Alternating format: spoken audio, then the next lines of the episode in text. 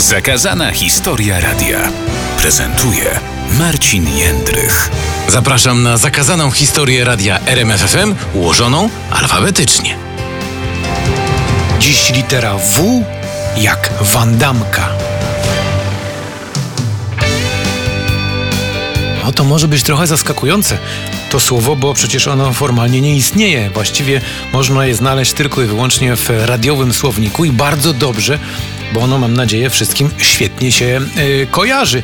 Dlatego dziś właśnie w zakazanej historii radia chciałem się przez chwilę na tym słowie skoncentrować. A szczerze mówiąc nie pamiętam dokładnie, kiedy po raz pierwszy usłyszałem właśnie to słowo Wandamka, ale myślę, że to było już podczas pierwszej inwazji mocy latem 1995 roku, a więc dokładnie 25 lat temu. Wtedy jednym z najpopularniejszych gadżetów rozdawanych podczas wszystkich imprez na całej trasie była taka bardzo charakterystyczna żółta chusta z nadrukowanym logo RMFFM w kolorze niebieskim. No, pewnie sobie potraficie to wyobrazić, albo też może część z Was nawet w taką chustę e, gdzieś tam kiedyś e, dostała. Oczywiście nazywana była oficjalnie bandaną ale gdzieś kiedyś ktoś ze słuchaczy, uczestników naszych inwazyjnych koncertów, chyba nie dosłyszał należycie brzmienia tego słowa, no i zupełnie nieświadomie stworzył nowy wyraz, który na trwałe zapisał się właśnie w historii radia, w historii nas wszystkich, którzy e, uczestniczyli czy też w inwazji mocy, czy w innych imprezach i wydarzeniach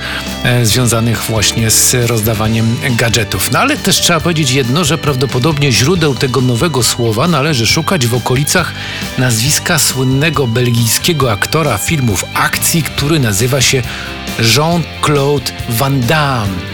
No ale nigdy nie zostało to oficjalnie potwierdzone. Co więcej, Van Damme też się nigdy w tej sprawie nie wypowiadał, więc przypuszczam, że nawet nie wie o tym, że e, taka Wandamka w żółto-niebieskim kolorze funkcjonuje właśnie tutaj w okolicach wszystkich sympatyków RMFFM i mamy z nią takie dobre, miłe skojarzenia. Wiadomo natomiast, że wyraz Wandamka bardzo szybko przyjął się zarówno po jednej, jak i po drugiej stronie inwazyjnej sceny.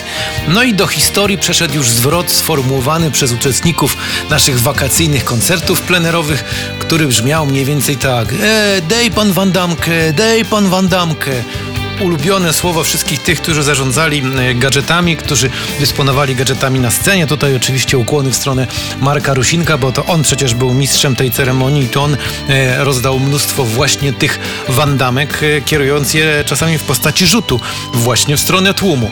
E, wandamka była bardzo uniwersalnym i praktycznym gadżetem, bo występowała bowiem jako nakrycie głowy. Zawiązywano ją na ramieniu bądź na nadgarstku, no coś w stylu takiej frotki, żeby sobie na przykład otrzeć pod szczoła, albo po prostu, żeby dobrze wyglądać, żeby się wyróżniać z tłumu. Ale też widzieliśmy w czasie inwazji mocy dwie związane razem wandamki, które służyły nawet jako górna część kostiumu kąpielowego u niektórych słuchaczek. No, oczywiście to było w czasie upalnych dni inwazji mocy.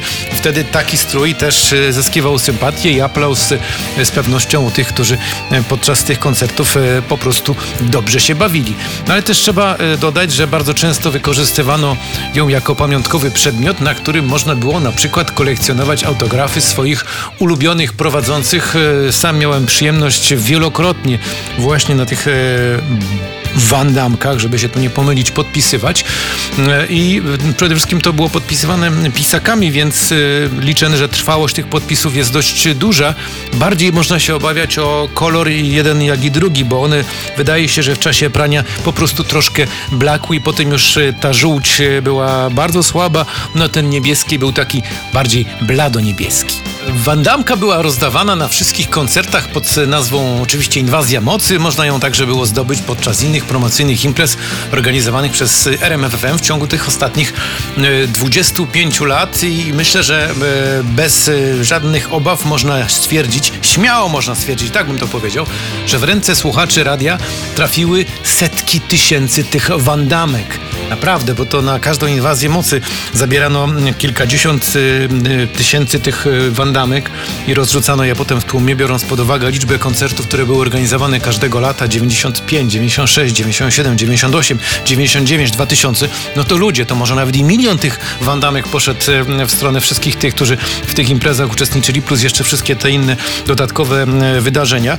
No i najbardziej ciekawi mnie w tym momencie to, ile z tych wandamek przetrwało do dziś dziś i nadal zachwyca swym jaskrawo-żółtym blaskiem, bo to jest najistotniejsze. Też był na tyle zapobiegliwy i e, powiedzmy, że bardzo mu zależało na tym, żeby taką wandamkę gdzieś tam sobie zachować na pamiątkę, no to pewnie ją e, zachował w takim miejscu, w którym ona nie blakła, nie wykorzystywał jej na przykład do codziennego noszenia i może dzięki temu te żółto-niebieskie charakterystyczne kolory e, na niej przetrwały. No jak ktoś ją zużył, no to też przecież właśnie po to ona była, żeby e, dawać taką e, fajną formę kontaktu z radiem i przede wszystkim takiego wspólnego, dobrego bawienia się, bo przecież te wandamki też były elementem naszej wspólnej akcji, która miała polegać na tym, żeby pokazać, jak radio RMFFM jest fajny i że warto go słuchać. Dzięki tym wandamkom też tysiące słuchaczy poszło z nimi w świat i pokazywało właśnie, że albo wracają z inwazji mocy, albo z jakiegoś innego wydarzenia.